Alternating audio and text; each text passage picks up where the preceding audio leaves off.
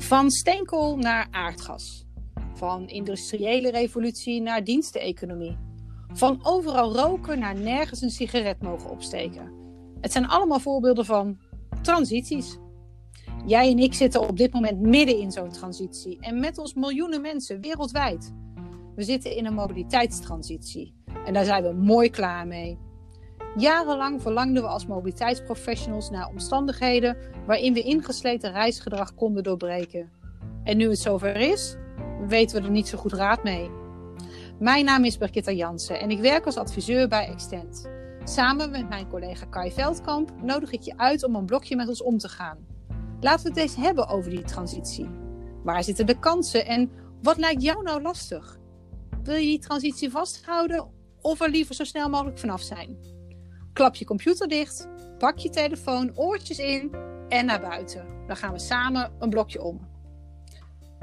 Zeg, uh, Kai, kun jij je misschien even voorstellen aan de luisteraar? Hallo allemaal, uh, ik ben Kai Veldkamp. Ik werk bij Extend en in het dagelijks leven kom ik ook bij allerlei gemeenten over de vloer. Dus ik zie die mobiliteitstransitie ook van dichtbij gebeuren. Nou, laten we daar eens mee beginnen. Die mobiliteitstransitie. We horen erover, we lezen erover, maar wat is dat nou eigenlijk? Want ons mobiliteitsgedrag verandert toch eigenlijk continu of elke zoveel jaar. Hoezo noemen we het nu dan ineens een transitie? Ja, ik denk um, dat het gewoon een handige term is om, uh, om het een beetje vast te kunnen pakken wat er nou gebeurt. En um, uh, wat ik bij uh, grote steden zie gebeuren, is dat grote steden groeien. proberen om die groei mogelijk te maken. En daar dus op zoek zijn naar ruimte. En um, een jaar of veertig geleden bouwden we steden nog eigenlijk rond de auto waarin de auto het dominante vervoermiddel was. Um, we hadden vaak zelfs snelwegen die tot in het centrum liepen. Um, en in de huidige manier van steden bouwen zie je eigenlijk dat we een hele andere benadering kiezen. Daarbij gaat het eigenlijk vooral om voetgangers, dus om het lopen, dat mogelijk te maken en prettig te maken. Om verplaatsingen per fiets mogelijk te maken en prettig te maken. En het openbaar vervoer en eigenlijk veel minder ruimte voor, uh, voor die auto, omdat dat gewoon niet goed meer past in uh, die drukke binnensteden. Nou, dat noemen we mobiliteitstransitie, waarbij dus eigenlijk het vervoer, wat gericht was op de auto, nu veel meer met de fiets en lopend gaat gebeuren. Oké, dus transitie heeft uh, niet alleen te maken met het reisgedrag, maar heeft ook te maken met de inrichting van onze steden en hoe we de ruimte in onze steden gebruiken voor de verschillende modaliteiten. In hoeverre denk jij dan dat de transitie die we nu doormaken blijvend is? Of gaan we straks, als er een vaccin is gevonden voor COVID-19, gewoon weer terug naar ons oude gedrag?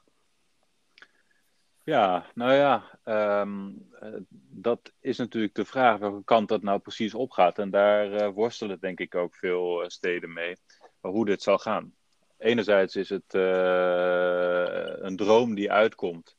Als je ziet hoe schoon de lucht nu is, hoe rustig op straat en op de snelwegen ook. En hoe dus het afgenomen aantal verplaatsingen eigenlijk zorgt voor een veel prettiger leefomgeving voor iedereen.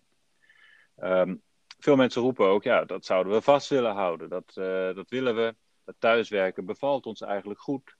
Uh, kunnen we dat niet blijven doen? Uh, kunnen we niet meer op de fiets doen? Nou, die wensen zijn er. En toch ligt natuurlijk altijd het gevaar op de loer dat mensen weer terugvallen in hun oude gedrag en toch weer steeds meer naar kantoor gaan en, ja, en toch ook weer die auto nemen. Sterker nog, ehm, de mensen die tot nu toe in het openbaar vervoer stapten voor corona, ja, kunnen nu niet allemaal meer mee. Want het openbaar vervoer heeft beperkte capaciteit. Nog maar zo'n 40% van de reizigers van vroeger kan daar plaats in vinden. Dus ja, wat doet die andere 60%? Daar zit een sleutel om het, het, huidige gedrag vast te houden. Want het ergste wat ons kan overkomen is dat juist die mensen nu terugstappen in de auto. Ehm, ik noem dat ook wel de achterwaartse mobiliteitstransitie waarbij alle inspanningen die in de afgelopen jaren zijn geleverd om mensen juist uit, uit de auto in het openbaar vervoer en op de fiets te krijgen, verloren gaan, omdat mensen toch weer teruggaan in de auto. Nou, dat moeten we zien te voorkomen. En ja, wat is daarvoor het handelingsperspectief? Daar zou ik het eigenlijk over willen hebben. Ja, want als ik jou zo hoor vertellen, dan hoor ik je iets zeggen over de automobilisten. Eigenlijk uit het pre-corona-tijdperk. En ook over de mensen die voorheen veel aan het fietsen waren. Dat hoor je ook veel over in de media. Uh, maar zeker ook die mensen die voorheen met het openbaar vervoer reisden. Het lijkt dus wel alsof daar de sleutel zit om deze transitie um, te behouden. Uh, wat denk je, gaan die mensen dan doen? Want je geeft net al aan, die gaan waarschijnlijk nu niet almas terug in het openbaar vervoer. Dat past ook volgens mij niet eens. Wat gaan die mensen nu doen? Ja, nou ja, als, als we niks doen, dan uh, is die auto gewoon een, een heel erg aantrekkelijk alternatief, denk ik. Omdat de auto toch je eigen ruimte is, je eigen space. daar is, voor je gevoel is daar weinig besmettingsgevaar. Dus ja, hoe aantrekkelijk is dat? En dan brengt je ook nog eens van A naar B, naar je uiteindelijke bestemming. Dus dat is natuurlijk heel erg prettig. Ik zie dat als een, als een groot risico wat er nu is. voor mijzelf geldt ook dat ik zelf ook geen auto meer bezit. maar mijn werk is wel vaak in Utrecht, de stad Utrecht, en ik woon in Den Haag ja, bij ons aan de keukentafel thuis uh, komt het onderwerp steeds vaker op: uh, zullen we niet toch maar weer een auto gaan kopen? En tegelijkertijd realiseer ik me dan van: uh, bah, foei, dat moet ik nou juist niet gaan doen. Ik moet juist zorgen dat we um, het anders gaan regelen en dat, er een ander, ehm, dat we het huidige gedrag juist vasthouden. Ja, want daar noem je volgens mij ook nog een andere uh, interessante dimensie aan deze hele discussie. En dat is natuurlijk het fenomeen thuiswerken, waarmee we nu met elkaar uh, te maken hebben gekregen. Uh, jij zit daar aan het strand bij Scheveningen. Ik zit in het mooie vestingstadje Gorkum. En de mensen die met ons meeluisteren, die zijn vast weer op een andere mooie plek in Nederland. Um, dat is natuurlijk ook nog een uh, bepalende factor in het hele verhaal. En volgens mij heb jij gesproken met onze collega Bo hierover, toch? Ja, Bo um, uh, heeft inderdaad uh, aan de wieg gestaan van een groot thuiswerkonderzoek, wat uiteindelijk landelijk is uitgevoerd. En Bo deed dat um, vanuit Noord-Brabant. had daar een enquête opgesteld, gericht op werk werkgevers en gericht op werknemers. Dus beide groepen werden bevraagd over wat ze er nou eigenlijk van vonden om uh, thuis te werken. En welke dingen ze daar prettig aan vinden en welke dingen ook minder prettig uh, zijn. En uh, dat onderzoek is eigenlijk opgepikt landelijk en is uiteindelijk in grote delen van het land uitgevoerd. Nou, dat is mooi om dan eventjes uh, Bo aan het woord uh, te laten en haar eens even wat meer te laten vertellen over de inzichten die uit dat onderzoek zijn gekomen. Dus uh, Bo Bos, vertel ons meer over dat thuiswerkonderzoek. Ja, Birgit, dankjewel. Ik vertel heel graag meer over het onderzoek. We hebben twee onderzoeken uitgevoerd. Eentje onder 3000 werknemers en onder 140 werkgevers. De eerste met een panelonderzoek en de tweede met kwalitatieve interviews. Nou, de algehele trend is dat zowel werknemers als werkgevers enorm veel uh, winkansen zien bij het, uh, bij het thuiswerken. Werknemers beoordelen gemiddeld het thuiswerken met een dikke 7. Die zijn er eigenlijk heel erg positief over. En die zeggen, ja, eigenlijk wil ik na september nog wel één dag per week op zijn minst thuiswerken. Nou, dat zijn wel echt enorme aantallen dus. De belangrijkste reden hiervoor is het niet meer hebben van reistijd. Nou, de intentie om iets te doen, dus die één dag per week thuis, is natuurlijk niet precies hetzelfde als het uh, daadwerkelijk gaan doen. Maar we hebben inmiddels allemaal een hoop uh, ervaringen opgedaan met het thuiswerken, wat die drempels wel enorm verlagen. Je kent de systemen, uh, ja, we hebben meer een patroon in onze dag. Het gaat als het ware weer een stuk meer vanzelf. Dus ook die, ook die ene dag per week, ja, dat zien we eigenlijk allemaal gewoon wel zitten. Ja, wat vinden werkgevers daar dan van? Tweederde van werkgevers die uh, zeggen, nou, thuiswerken na 1 september, ik denk dat het een stuk uh, vanzelfsprekender gaat zijn. Um, werknemers zullen hier actiever naar vragen en zij willen hier ook wel uh, actiever op gaan sturen. Ja, succesfactoren daarbij zijn wel dat ze vertrouwen hebben in werknemers, heldere communicatie, wat kan wel en wat kan niet. En techniek en digitale middelen die natuurlijk heel erg belangrijk zijn. En natuurlijk het, het hebben van persoonlijke aandacht voor je, voor je medewerkers. Nou, dat uh, werkgevers dit uh, ook zien zitten, dat zie je ook aan alle kanten. Je, veel werkgevers hebben vragen over uh, thuiswerkbeleid, woon-werkbeleid. Nou, dat soort dingen, dat popt allemaal op. En een groot deel van die werkgevers zeggen ook, ja, ik heb er echt wel hulp bij nodig om dat van de grond te krijgen. Goede informatie, goed weten wat de wet en regelgeving nu wel en niet toelaat. Maar ook wat we, wat we kunnen doen. Want ja, dat thuiswerken bij medewerkers is meer dan alleen het, het hebben van een laptop. Dus daar, uh, daar kunnen werkgevers wel uh, wat hulp uh, en ondersteuning bij gebruiken. Dankjewel uh, Bo voor deze mooie bijdrage. En wat tof om te horen dat dus zowel werkgevers als werknemers, door wat ze de afgelopen maanden hebben meegemaakt, eigenlijk voornemens zijn om thuiswerken vast op de agenda te krijgen. En dat het misschien straks wel zo gaat zijn dat het naar je werkplek gaan de uitzondering wordt en dat thuiswerken de nieuwe normaal is. Linksom of rechtsom, een deel van die mensen moet of wil zich straks toch weer gaan verplaatsen. En nog steeds is dan volgens mij niet voor iedereen een plekje op het wegennet of in de bus of trein. Dus hoe pakken we dat dan aan, Kai? Welke strategische keuzes kun je maken om dat noodzakelijke verkeer straks toch in goede banen te leiden? Ja, nou, dat is nog helemaal niet eenvoudig. Um, maar op dit moment inderdaad, uh, dus die 60% die niet meer mee kan met het openbaar vervoer. Ja, hoe lang houden we dat nou op 60%? Hè, zolang we dus op anderhalve meter zitten, ja, uh, dan kan 60% niet mee. Mocht die anderhalve meter op een moment 1 meter worden, uh, dan wordt het natuurlijk al wel heel anders. Um, dus op dat vlak is in ieder geval een belangrijke knop om aan te draaien. Dus hoeveel mensen kunnen uiteindelijk mee met het openbaar vervoer? En ik denk dat dat echt een landelijk vraagstuk is. En dat gaat natuurlijk over veiligheid en dat gaat over mondkapjes uh, aan de ene kant. Uh, maar het gaat ook over uh, het imago van het openbaar vervoer. En dat imago is op dit moment niet best. En je ziet ook dat in veel communicatieboodschappen negatief wordt gesproken over dat openbaar vervoer als iets wat je zou moeten mijden nog steeds. Uh, nou, dat is iets wat uiteindelijk weer gekeerd moet worden. En ik denk dat dat echt landelijk moet gaan gebeuren. Dat er landelijk moet worden ingezet ook op het imago van het openbaar vervoer. Dat is een belangrijk ding. Tegelijkertijd, um, wat er wel kan, ook in relatie tot openbaar vervoer, is natuurlijk dat we kunnen spreiden.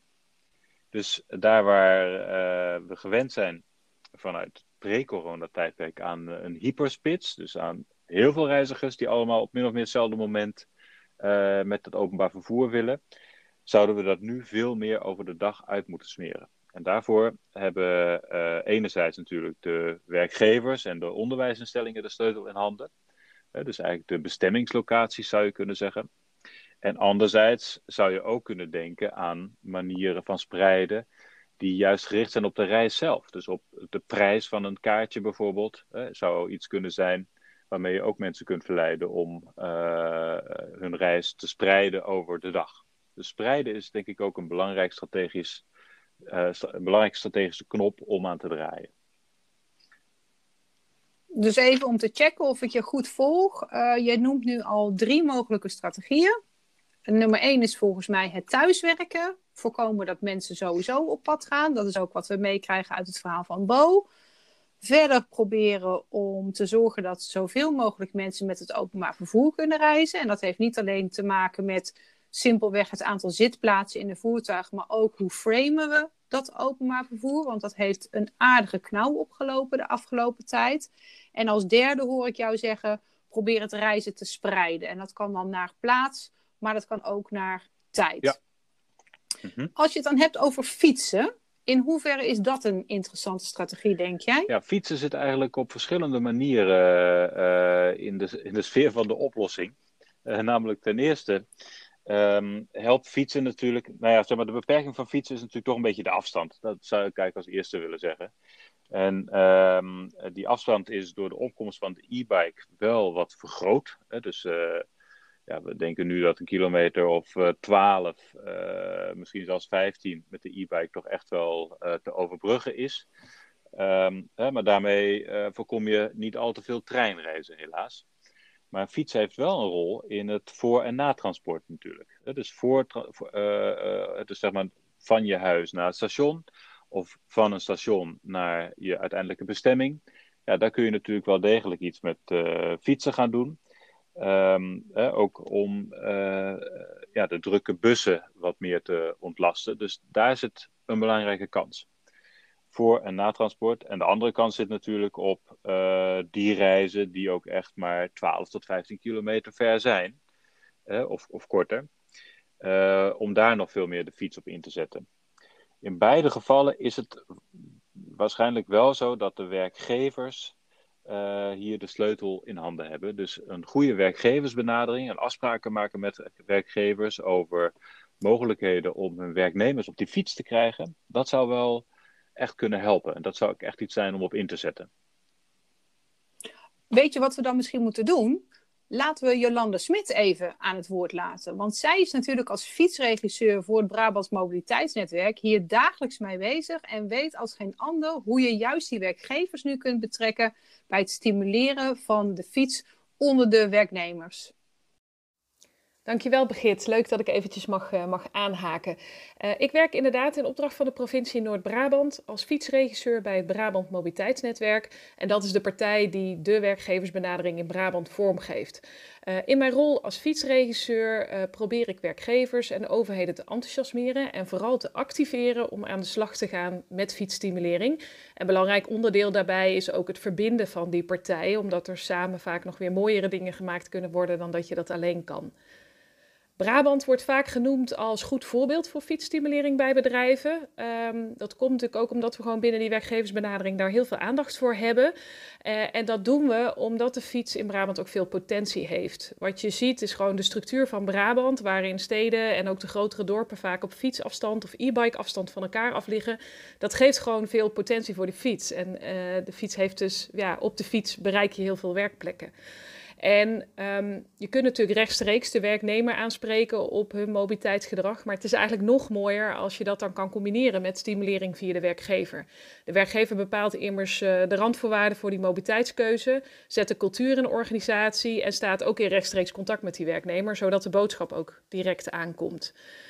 Daarom hebben we in um, Brabant samen met ons Brabant Fietst niet alleen de publiekscampagne Chase gemaakt, maar ook het onderdeel Chase Gangmakers, waarmee we die werkgevers direct aanspreken. En het belangrijkste dan wat we doen, is fietsstimulering makkelijk maken. We geven kennis, we hebben goede voorbeelden, direct toepasbare producten, toolkits voor uh, werkgevers om in te zetten om interne campagnes te doen. En we zorgen voor verbinding met andere mensen die bezig zijn met fietsstimulering, zoals marktpartijen. En mijn conclusie is eigenlijk iedere keer weer: fietsstimulering is helemaal niet zo moeilijk. Maar het hoort niet tot het standaard werk van een HR of een facilitair manager. Uh, dus als je als overheid wilt inspelen op wat werkgevers doen op het gebied van die fiets, dan is het belangrijk om het stimuleren van fietsen nog gemakkelijker te maken en de werkgever daarbij op weg te helpen met gewoon hele concrete producten en makkelijk toepasbare producten.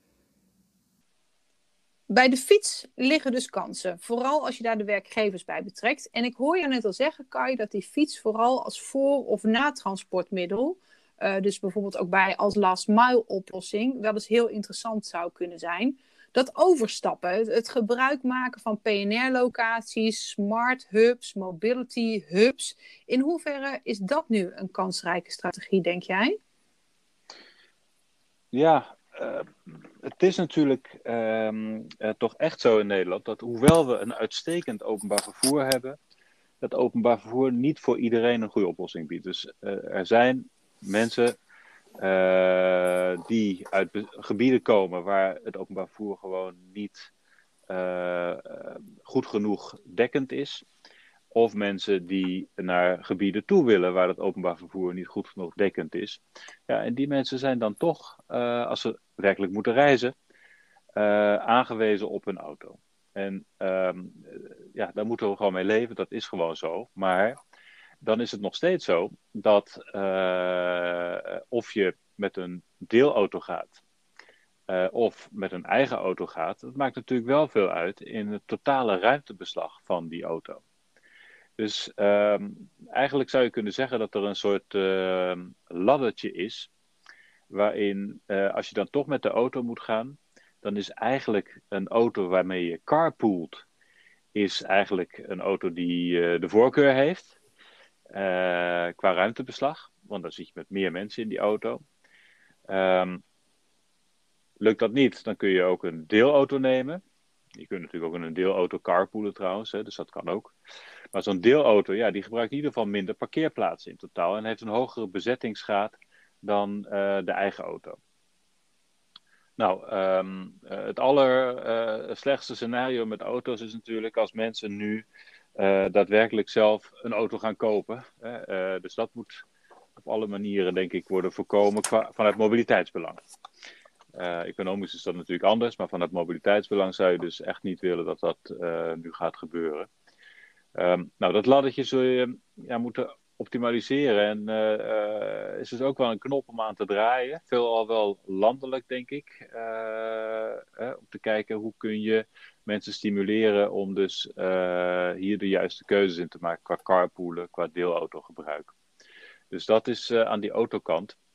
En daar komt nog bij, want je vroeg naar de PNR, uh, Brigitta. Uh, die PNR-kant is natuurlijk ook iets. Kijk, als mensen met hun auto tot aan het stadscentrum uh, willen rijden en daar ook een parkeerplek vinden, dan kruisen ze vaak ehm, veel fietspaden en, ehm, en trottoirs. En hoe dikker die autostromen zijn, hoe minder oversteekbaar de, ze zijn. Dus uh, je zou eigenlijk willen voorkomen dat auto's daadwerkelijk naar zo'n stadscentrum rijden, maar eerder al worden afgevangen in een uh, park-and-ride of park-and-bike-achtige uh, hub. Dus het zou zomaar kunnen helpen om nu juist in te zetten op meer park-and-rides rond de steden, waar automobilisten hun auto neer kunnen zetten en vervolgens met deelmobiliteit, fietsen of e-scooters of een andere modaliteit richting hun bestemming kunnen gaan. Dat zou echt enorm helpen om de hoeveelheid auto's uh, rond drukke bestemmingen te verminderen. Nou, volgens mij zijn inmiddels alle verschillende vervoervormen wel uh, de revue uh, gepasseerd. En uh, ergens duizelt het me dan nu ook wel een beetje. Sommige zaken kan ik me ook voorstellen, moeten inderdaad eerst op landelijk niveau geregeld worden voordat je daar lokaal wat mee kan. Um, en ik denk ook mensen die nu naar jou aan het luisteren zijn en bijvoorbeeld bij een gemeente werken als mobiliteitsdeskundige of als beleidsadviseur hoe kunnen die hier nu grip opnemen? Hoe kunnen die nu morgen aan de slag met iets wat jij hen nu hebt toegelicht? Hoe, hoe, pak je dat aan? Waar te beginnen? Geef ons die gouden tip, Kai. ja. Uh, de gouden tip. Uh, uh, ja, het is best een complex verhaal, dat, eh, dat realiseer ik me ook. Ehm, tegelijkertijd eh, is het ook wel prettig dat er juist meerdere knoppen zijn waar je kunt draaien. En de goede mix daarin vinden is denk ik wel maatwerk. Hè? Dus als elke gemeente of, of regio bij voorkeur ehm, moet gewoon zelf kijken van goh, wat past nou het beste bij onze regio? hoeveel draagvlak is er bij onze werkgevers? Hoe kunnen we die meekrijgen? Hoe kunnen we tot goede afspraken komen met onderwijsinstellingen? Uh, ja, welke kansen uh, spelen er bij ons? En um, ik denk dat dat voor een groot deel dus maatwerk is. En uh, natuurlijk kunnen we daar vanuit Extent in ondersteunen. En dat doen we natuurlijk ook heel graag, want uh, dat is ook de kern van ons werk. Um, uh, maar als je als gemeente uh, of als regio zelf aan de slag wilt, dan helpt het wel om in het achterhoofd te houden van ja, in mijn beleving begint het bij voorkomen van de reis. Hè, dus ik vat het nog even samen. Voorkomen van de reis is, ehm, denk ik, de allerbeste uh, maatregel, daar waar dat past. Um, kun je de reis niet voorkomen? Nou, dan is het spreiden over de dag. Uh, dat helpt enorm. Um, uh, en boven, buiten dat spreiden, ja, probeer zoveel mogelijk met de fiets of de e-bike te doen. en aan de autokant, ja, vooral de eigen auto, natuurlijk zoveel mogelijk um, niet te laten gebruiken, maar juist deelmobiliteit en carpoolen, hè, om dat samen te doen.